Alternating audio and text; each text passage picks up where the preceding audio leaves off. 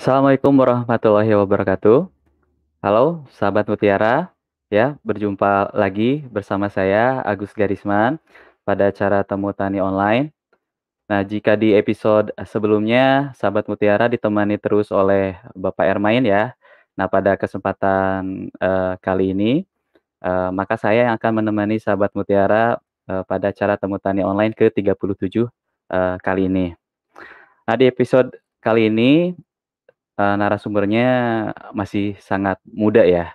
Saya pikir usianya juga belum sampai kepala 3, tapi beliau ini ya bisa dibilang ya sudah hebat, ya pernah mendapatkan penganugerahan juga pengusaha baru terbaik di tahun 2018 oleh pemerintah Provinsi Jawa Barat.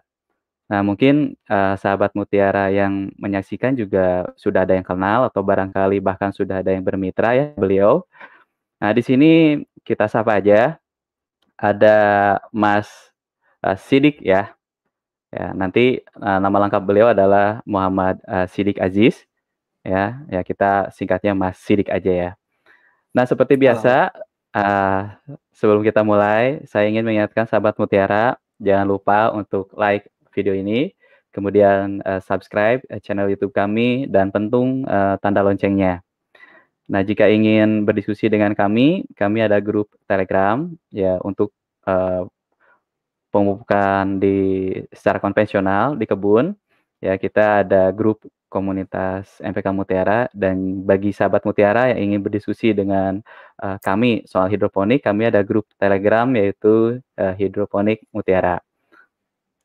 Oke, sahabat Mutiara, tanpa lebih jauh lagi mungkin kita langsung, eee, sapa aja Kang Sidiknya. Halo, assalamualaikum Kang Sidik, apa kabar? Mas Agus. Garis aja Kang. Agus. Mas Agus, jelas nggak? Jelas jelas. Tapi saya panggil garis aja ya, panggil saya garis aja. Ya, Oh, siap siap, kalau nama lengkap saya kan? Agus Garisman, oke. Oh, Eee, siap siap. damang, Kang Sidik? Alhamdulillah damang, sehat, Iya. ya senang-senang aja sih bisa sehat di era sekarang tuh. Oke, ya yang penting sehat dulu Kang kalau sekarang. Iya, sehat, Ya Kang ya? happy ya, sekarang penting. Nah, iya. Eee, Iya. setuju setuju. Oke Kang Sidik, kita mungkin, eee, seperti biasa mungkin ada tanya jawab dulu ya antara kita, mungkin nanti ada beberapa sahabat Mutiara juga yang ingin berinteraksi dengan kita ya. Mungkin untuk, Iya. eee, pertama mungkin, eee, Kang Sidik ya saya lihat sih dari sini ya, dari ini masih muda ya, kurang lebih, eee, 30 tahun ke bawah ya. Umurnya berapa tahun sekarang Kang? Masih 17 tahun Mas, saya masih SMA. 17 tahun. Saya juga 17 tahun kalau gitu kan. Oke. Iya. 17 tahun berapa tahun yang lalu itu Kang? 10 tahun yang lalu 17 tahun, udah nggak kerasa ya. Oh, nah berarti sekarang 27 ya? Iya, 27, iya. 27 tahun. Wah hebat ya, di usia 27 udah dapat penghargaan nih dari, eee, Provinsi Jawa Barat ya Kang ya. Ah, Kang sekarang kesibukannya apa nih Kang Sidik? Biasa sih, eee, kita lagi membina petani kopi, kita trading komoditas kopi di sana. Kita juga ada budidaya ternak, eee, kita kita Mhm. kasih, eee, bayi bayi domba yang masih kecil, terus nanti sama petani Mhm. mitra dibesarkan, diurus, nanti kita jual nih deket-deket kurban, kan entar lagi juga kan Ramadan, udah Ramadan kurban, itu ukurannya udah 30 gitu, kita j 30 kilogram kita bisa jual. Terus juga kita sekarang lagi bikin keagenan nih, eee, channel distribusi pemasaran kita, nggak hanya Mhm. ke resto aja, mungkin karena resto sama supermarket lagi down, tapi kita nggak menyerah sih, ada channel pemasaran lain yaitu agen rumah tangga. Kita bantu Mmm. orang di di perumahan untuk dapat penghasilan tambahan dengan menjadi agen inagri gitu. Mmm. Banyaknya Mhm. kayak banyaknya di sana sih kita bergerak ajalah di era Covid ini, apa yang bisa dijual, dijual, apa yang bisa dilakukan, kita lakukan gitu, gitu. Jadi sebetulnya nggak ada ekonomi yang buruk ya, Iya. gimana kita menyikapinya sebetulnya ya Kang ya. Iya, gerak tadi aja gitu. ya, trading kopinya apa, eee, tanam juga kopi nggak Kang? Atau hanya di-trading aja? Kopi, kita trading aja sih soalnya kan kopi mah ke kan. Mhm. koperasi Mitra Malabar, terus koperasi Hmm. kehutanan juga di daerah Majalaya. Hmm. Uh, Oke. Yang asalnya mereka cuma trading cherry beans saja. Dengan adanya kita, Mhm. mereka bisa mengolah dari cherry beans jadi green beans. Nah, kita bantu untuk uh, nalangin Hmm. dulu permodalan dia. Oh, oke oke oke. Hebat lah, mantap lah. Oke, kalau untuk ya kan kita bicara tadi dengan sesuai dengan tema mungkin tentang startup ya. Iya. Nah, Iya Kang. Sidik ini eh, tahun berapa yang mendirikan startup startupnya, Kang? Sebenarnya di tahun 2000 Ya. Halo, Kang.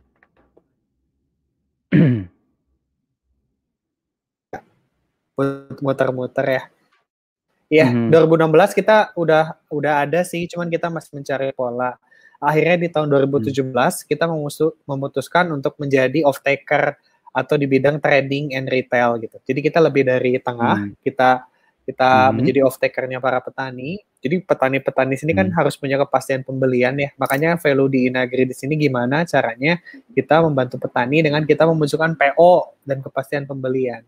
Nah, PO tersebut Hmm. kita distribusikan lagi ke rekan, ke supermarket, Hmm. dulu pernah, terus ke agen, terus ke catering, Mhm. terus ke restoran, Mhm. atau misalnya ekspor gitu sih. Cuman dengan adanya pandemik ini landscape trading dan distribusi agak berubah ya, kayak supermarket juga kan eh, ada pembatasan jam, terus pasar pasar tradisional juga kan sempat ditutup ya, makanya kita harus Mhm. punya alternatif eh, alternatif pemasaran yang lain nih. Oh, akhirnya ada nih alternatif pemasaran lainnya.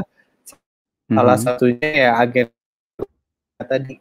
Tiba-tiba pemesanan direct langsung ke end user tuh tinggi gitu. Di Maret pada saat COVID baru dimulai setahun yang lalu gitu. Hmm. Hmm, hmm, hmm, hmm, hmm. Wih, mantap lah, Kang. Kalau sekarang eh, kerjasama misalnya dengan eh, ini ada berapa banyak, Kang? Kerjasamanya? Kita kita kerjasamanya sama berbagai macam pihak ya. Eh, kalau sama Mhm. petani nggak langsung ke petaninya langsung sih. Kita lebih prefer ke Oke. petani yang Mhm. udah berlembaga gitu. Jadi kayak kelompok tani, koperasi yang Oke. udah berlembaga dengan bendera Aha. koperasi. Kita udah kerjasama dengan eh, kelompok tani Hmm. di Cibodas. Itu ada Mang Ade namanya. Selain mereka Oh, bertani juga kita memberikan opsi untuk eh, ternak domba, untuk penggemukan Oke. dan ada penghasilan Mhm. tambahan lah ya. Nanti eh, bakal dijual di Mhm. kurban dan bagi hasil di sana. Terus yang kedua kita kerjasama de- juga dengan koperasi kopi. Jawa Barat tuh mau Mhm. gak mau juga kopi sih. Kopi yang menjadi salah satu alternatif terbaik komoditas Mhm. yang agak keras ya dan bisa dijual ekspor. Kita kerjasama dengan dua Mhm. koperasi, koperasi Mitra Malabar dan binaannya ada di daerah Oke. Majalaya juga. Itu untuk trading Mhm. green beans. Terus di satu Hmm. sisi juga sempat ada beberapa tawaran sih dari kampus untuk mengelola greenhouse-nya. Salah satunya kampus di Telkom University. Mereka tuh ada Mhm. greenhouse untuk percontohan mahasiswa, minta tolong Mhm. dikelola oleh ya dikelolain Mhm. terus nanti dibikin order PO pemesanan Inagri Hmm. jadi off takernya. Cuman masih tahap Hmm. diskusi. Terus kita juga Hmm. pernah kerja sama sama eh, apa ya restoran, eksportir, sama trader trader trader trader buat catering banyak sih. Kita intinya sih di era COVID ini mah apa yang bisa digarap pada saat ini kita garap aja sih gitu sih. Iya. Oh, super lah, Kang. Oke, mungkin eh, Kang Sidik bisa eh, dijelaskan ke sahabat Mutiara yang sedang menyimak nih tentang eh, startupnya ya. Maksudnya alasan Kang Sidik itu mendirikan startupnya di bidang pertanian nih, itu kan satu nih. Kedua kan yang kami tahu nih Kang Sidik ini kan dari S2-nya di ITB nih. Kenapa nggak ya fokusnya misalnya ke kantoran gitu atau sta- startupnya di bidang lain lah gitu, nggak nggak pertanian lah, ya keuangan, finance atau apa Ya. gitu ya, lebih tren kan saat ini mungkin. Kira-kira bisa dijelaskan nggak? Ya, boleh sih eh, sedikit bercerita ya. Eh, sebenarnya gini ya, Hmm. dibilang langsung startup juga enggak. Jadi tahun 2014 tuh lulus, itu langsung kerja. Jadi aku kerja dulu sih, Mhm. jadi mengalami mengalami jadi karyawan, mengalami kerja di Jakarta, mengalami juga kerja di Hmm. luar pulau di Balikpapan. Emang Mhm. apa ya? Sudah merasa cukup dan puas aja gitu untuk bekerja. Sedangkan ada value di dalam diri di mana wah kalau kalau gue cuman happy sendiri, sedangkan keluarga, saudara, atau teman-teman UMKM-nya nggak ada impact, nggak ada value-nya, ya percuma gitu. Up, profesi okay. apa ya yang ketika aku laksanakan ini memberikan dampak minimal uh, memberikan lapangan pekerjaan atau minimal juga uh, yang terlibat di dalam satu aktivitasnya banyak. Oh, ternyata hmm. aktivitas ini tuh banyak ya kalau di ranah pertanian. Lagian kan Jawa Barat hampir 70% UMKM-nya di bidang pangan ya. Bidang pangan hmm. selalu berkorelasi dengan pertanian gitu. Kayak pasti hmm. 70% UMKM tuh ya pedagang apa kayak makanan, minuman, pedagang makanan dan hmm. minuman kan pasti berkorelasi dengan bahan pangan. Bahan pangan pasti hmm. berkorelasi dengan pertanian. Pertanian pasti berkorelasi dengan ya secara gak langsung secara makro tuh ekonomi Indonesia pada umumnya. Jadi walaupun pertanian itu banyak dianggap remeh, cuman yang terlibat di dalamnya tuh banyak. Jadi kalau misalnya kita memberikan value di dalamnya, ya gak hanya gak hanya keperluan kita terpenuhi tapi kita punya hmm. jadi punya banyak teman kita jadi punya banyak relasi dan kita menjadi hmm. lebih apa ya istilahnya lebih soalnya kalau saya cuman kerja doang kayaknya saya tidak diberikan teguran gitu saya akan akan kasar sifatnya akan sombong kayak hmm. dengan dengan nyemplung di pertanian ini lebih apa ya lebih halus more human lah hmm karena kalau hmm. kerja tuh kayak robot banget ya, robot gitu. Kalau pertanian hmm. kan banyak human touch. Ya hmm. jiwa ini haus haus tentang itu sih, haus tentang haus tentang sosialisasi manusia hmm. gitu hmm. sih. Hmm. Hmm. hmm. Tapi yang uh, bisa dibilang apa ya, yang menjadi inspirasinya, maksudnya untuk uh, Kang Sidik ya, inspirasinya ini siapa nih kira-kira atau apalah gitu, event apa atau apa pematiknya ya pertanian ya selain mungkin apakah pemikiran sendiri seperti tadi atau tetap ada inspirasi misalnya?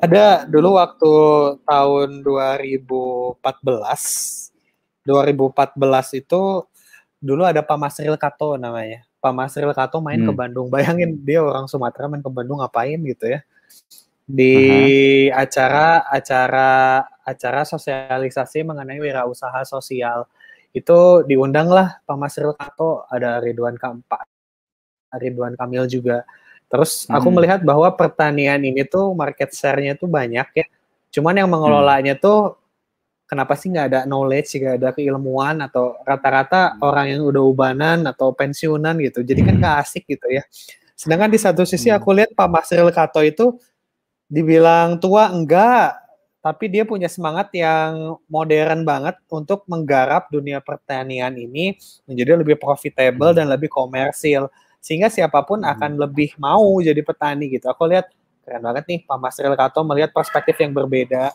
untuk hmm. bukan memodernisasi ya, tapi mem me me memberikan metode khusus sehingga pertanian itu emang as a business gitu. Dan ada nilai hmm. sosialnya juga nih orang jadi petani bisa hidup nih skemanya kayak gini terus nilai ekonominya kayak gini pain point di pertanian itu seperti ini nah iya Pak Masril Kato itu yang sangat menginspirasi saya harapannya sih uh, banyak yang terlibat ya di dunia pertanian itu ya bukan pensiunan aja atau bukan industrial yang besar aja tapi anak muda pun kalau mau jadi petani ini ada kurikulumnya ini ada sukses story-nya hmm kamu daerahnya di mana, terus formulanya apa aja bisa kok ada ini banyak udah mulai banyak sekarang sih milenial yang mulai menggarap seperti itu. Hmm. Setuju, setuju Kang. Oke, Kang uh, Sidik nih. Nama startupnya ini kan adalah Inagri ya. Mungkin bisa dijelaskan nih ada filosofi di belakangnya kenapa namanya harus Inagri gitu. Kenapa tidak yang lain? Ya asalnya namanya mau Agrimart, Agritech, cuman kayak uh. gak gak asik gitu ya. Makanya oh Inagri aja, Inagri aja waktu itu diskusi kenapa Inagri karena ada hmm. Indonesia-nya gitu. Terus ada hmm. agribisnisnya. Terus kenapa belakangnya dot Asia? Karena kita berpikir bahwa sekarang tuh kan jual jual sesuatu tuh nggak harus antar antar kota antar pulau tapi bisa nggak sih kalau uh, yang namanya agribisnis itu kita jualnya bisa ke Dubai, bisa ke Singapura, bisa ke Malaysia atau bisa ke Jepang. Makanya hmm. kan ada valuasinya di sana kayak ya namanya mimpi, namanya visi kan. Saya pengen Iya. saat Inagri itu nggak hanya jualan nilai komersialnya di Indonesia atau di Bandung aja. Inagri itu Hmm. kalau bisa jadi jadi salah satu eh, usaha yang perdagangannya Hmm. udah antar negara gitu. Barangnya keluar Hmm. negeri gitu, sam- komunikasinya multinasional. Itu Hmm. salah satu mimpi saya gitu. Wis. Mantep lah kalau gitu kan ya. Mungkin Kang Sidi bisa diceritakan apakah eh, susah tidak eh, membangun sebuah startup ini? Ya kira-kira yang perlu dipersiapkan itu ya apa sih sebetulnya gitu untuk mendirikan startup gitu? Sebenarnya dibilang susah, udah pasti susah sih. Tapi kan Hmm. udah pasti susah sih. Mau di mau dibahasakan apa juga, mau yang ngomongnya mau yang ngomongnya Hmm. Gita Wirawan juga kan outputnya pasti bilangnya susah ya. Mau Gita Wirawan Hmm. atau misalnya siapa lagi Pak Masril Kato atau misalnya Hmm. siapa lagi eh, ahli-ahli ekonomi itu Rizal Ramli pasti apakah susah susah. Cuman yang kedua apakah potensial susah tapi potensial kan make sense ya. Jadi ah nggak apa-apa susah tapi memiliki nilai potensi yang bagus. Sekarang ditanya Hmm. lagi susah, potensial, apakah bisa dipelajari? Sangat bisa dipelajari. Nah itu sih Hmm. eh, harus dirunut lagi. Cuman yang paling penting tuh eh mungkin ini ya pemuda tuh kalau bisa mulai dari hal yang mudah dulu gitu. Kalau misalnya dia tinggal di kota, ya jangan langsung jangan dia ke desa terus bertani yang tiba-tiba besar, coba aja hidroponik dulu gitu. Coba Hmm. dulu hasil hidroponiknya dia manfaatkan terus dijual ke warung atau dijual ke teman-temannya. Terus eh, kalau misalnya dia punya bakat, ah saya mah jurusan teknik, saya nggak pertanian nggak masalah, banyak kok supporting supporting teknologi yang bisa support hidroponik kan butuh Mhm. engineering yang banyak ya, Bu- butuh Mhm. arsitekturnya, butuh sensornya segala macam dan itu udah mulai digarap. Terus pertanyaan selanjutnya, kebanyakan pemuda tuh kebanyakan pemuda tuh terlalu fokus ke hal yang tidak apa ya terlalu idealis. Kayak misalnya wah bibitnya harus ini terus panahnya harus gimana? Terlalu itulah terlalu banyak teoritis. Bisa nggak sih setelah menjalani itu eh setelah belajar kita coba jalanin aja dulu dari hal yang gampang coba budidaya dulu yang sederhana terus coba jualin Mhm. sendiri dulu atau jual ke mitra dulu itu sih yang Hmm. harus dipelajari itu gap menuju maunya tuh kebanyakan takut. Nah, takutnya itu harus dikurangi dengan mungkin dibikin komunitas, dibikin ngobrol, ngobrol dengan orang yang Hmm. pernah sehingga mereka nggak takut lagi. Kebanyakan kebanyakan anak muda tuh di takutnya itu, takutnya dan dan mereka berpikir pertanian tuh kejauhan gitu. Apakah mereka nggak ada contoh atau yang diajarkan di Hmm. kampus itu kurikulumnya lebih ke Mhm. paper, lebih di buku ya. Kayaknya selain belajar Hmm. pertanian, mereka harus coba menjalani pertanian. Ada dua hal sih, belajar aja nggak Mhm. cukup kayaknya. Ya kita Mhm. beli buku yang banyak tutorial, tapi tidak menjalani kan tidak ada experience yang terlibat. Saran saya coba jalani deh. Coba misalnya Mhm. coba mix and match, jualan apa atau dagang. Atau nggak harus budidaya juga nggak masalah. Coba kalian jadi suppliernya, coba kalian jadi buyernya nggak masalah sih. Pertanian kan banyaknya aktor sama landscape yang terlibatnya gitu sih. Mhm, mhm. Oke, setuju setuju, Kang. Ya kebanyakannya memang dipelajarinya teorinya daripada praktikalnya sih, Kang. Oke, mungkin pertanyaan berikutnya mungkin Kang Sidik, eee, kalau misalnya ingin ada beberapa sahabat mutiara mungkin yang nonton ya, atau mungkin untuk informasi buat yang lain juga, eee, kalau ingin bermitra dengan, eee, pihak Akang misalnya kan dari dengan Inagri nih, Inagri Asia ini, eee, bagaimana caranya nih, Kang? Dan ya ibaratnya supaya ya Banyak ya. banyak. Boleh dijelaskan, Kang? Banyak yang pengen bermitra sama kita, Hmm. ya. Justru kita jadi beban moral ya kalau kita nggak bisa. Hmm. Karena akhir-akhir ini selalu dapat curhatan gitu dari petani A, Mhm. Kang Sidik, saya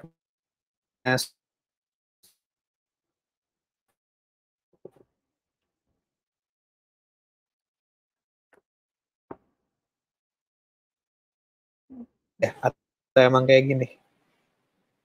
Mhm. Kalau kalau kalau ingin bermitra sebenarnya tinggal hubungin aja di WA aku atau enggak DM aja IG Nagri. Nanti biasanya tim purchasing atau tim produk kita bakal ada uh, komunikasi lebih lanjut. Nanti ada hmm. photoshoot bareng, campaign bareng buat pemasaran, sama pendistribusian hmm. ke agen-agennya kita. Kita sangat terbuka kok. Kita ada 11 agen aktif di Bandung dengan target sampai bulan Ramadan atau sampai akhir bulan ini kita punya 60 agen pemasaran. Jadi kalau ada barang, bahan pangan, olahan, ya nggak ada masalah. Ayo kita komunikasi, komunikasikan hmm. lebih lanjut untuk skema penjualan dan distribusinya, gitu sih. Hmm, oke. Okay. Berarti sekarang yang aktif agen ada 11 ya, dengan target tadi ada sekitar 60 lebih ya, nanti di Ramadan itu ya, Kang? Iya, karena kita lihat bahwa hmm. dari tahun ke tahun yang namanya retail tuh retail tuh naiknya di Ramadan ya, selalu gitu tiga tahun terakhir. Hmm. Jadi kita sebenarnya setahun tuh bekerja untuk kejar Ramadan aja. Udah itu kan maintain doang gitu. Makanya hmm. skema skema mirip petani ya setahun cuman ikut masa panen udah itu kerjain yang lain. Sama kalau dagang pemasaran sama distribusi juga naiknya di bulan Ramadan. Kalau Ramadan tuh gak dapet hmm. sayang pasti loss gitu sih kalau kita lihat. Kalau punya hmm. barang-barang hmm. yang berasosiasi dengan Ramadan kayak misalnya uh, madu, terus susu, bahan ternak juga gak masalah. Hmm. Terus buah-buahan, hmm. terus misalnya apalagi yang berasosiasi dengan Ramadan daging ayam, terus misalnya hmm. buah-buahan. Hayo uh, kita bikin skema barang-barang untuk pemasaran dan distribusinya. Biasanya sih kita photoshoot hmm. bareng juga sih gitu. Hmm. Oke, okay, ya. oke. Okay. Nah, Kang, kalau misalnya ada sahabat mutiara nih yang ingin misalnya apa ya uh, pesan nih, baik sayur atau produk-produk tadi, berarti caranya tinggal hubungi, uh, itu aja, website atau langsung ke Akang aja langsung, seperti itu?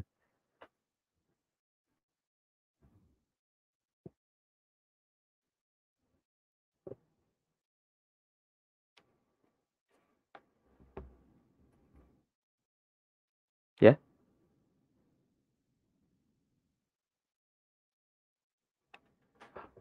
Halo, Kang?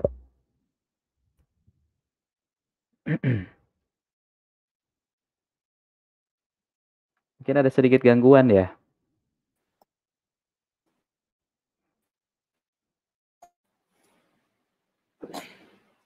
Nyambung lagi nih. Keputus sedikit ya, Kang?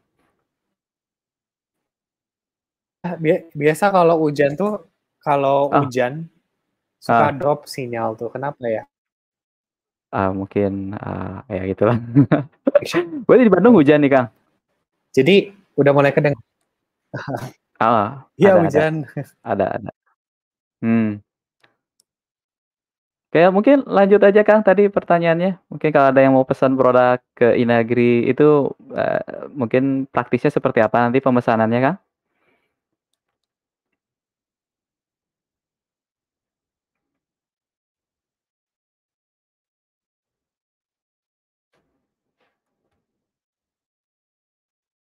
Mungkin di Bandung ada hujan besar ya, jadi ganggu. Ada gangguan sedikit, mudah-mudahan, uh, nanti lancar lagi lah sinyalnya.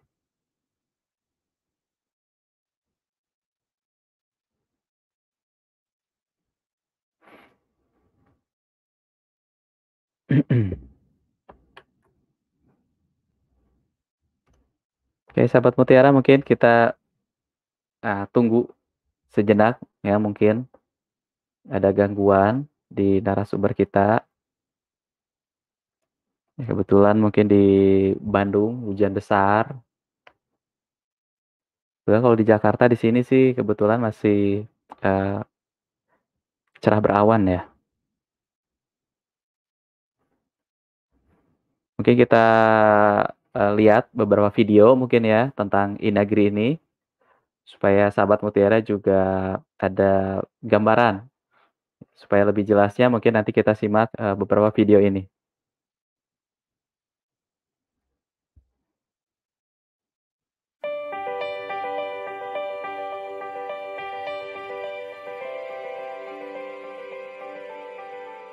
Uh, nama saya Arya, umur 25 tahun, latar belakang saya alumni dari Universitas Pajajaran dari Fakultas Pertanian jurusan Agribisnis.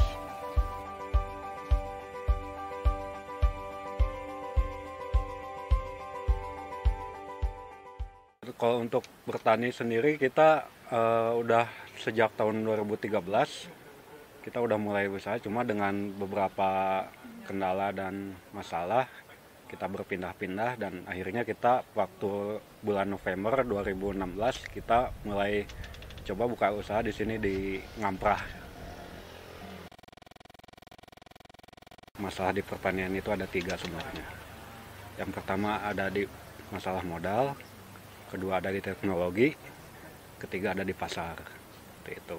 Untuk di modal itu sendiri ya kita kita tahu ya bahwa uh, sebagian petani umumnya di Indonesia itu rata-rata memiliki lahan yang sempit itu di bawah 0,5 hektar. Kemudian uh, dari sisi teknologi juga uh, dengan kondisi salah satunya dengan uh, kondisi cuaca yang nggak bisa diprediksi itu uh, merupakan kesulitan tersendiri buat kita gitu kan seperti misalnya uh, hujan yang tidak bisa diprediksi kapan datangnya atau misalnya kemarau gitu dan itu memerlukan usaha ekstra itu di bidang pertanian itu sendiri gitu. Kemudian untuk masalah pasar uh, untuk pasar sendiri ya kita tahu mungkin kalau di Indonesia kan rantainya sangat panjang ya dari tingkat hulu sampai hilir itu dari petani sampai ke tangan konsumen itu si uh, produk itu melalui beberapa mata rantai gitu kan Nah itu jadi di situlah kendalanya.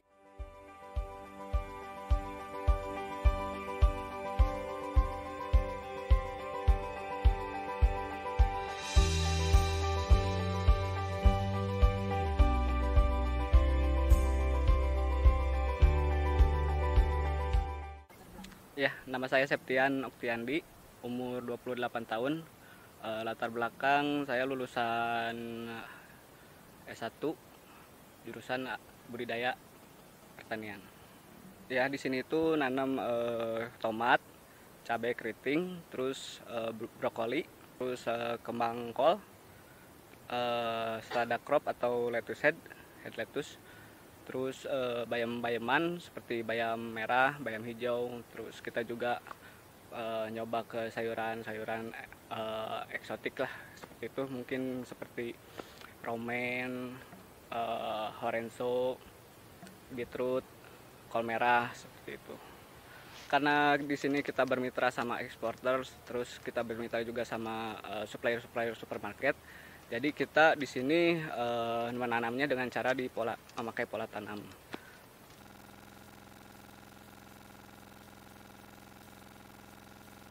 Solusinya ya kita uh, di sini kalau untuk melibatkan pertan aspek pertanian secara keseluruhan tentu tidak bisa selesai hanya dengan beberapa pihak tertentu saja. Tapi di sini harapannya kita berkolaborasi semua pihak yang terkait uh, mengenai tiga permasalahan yang tadi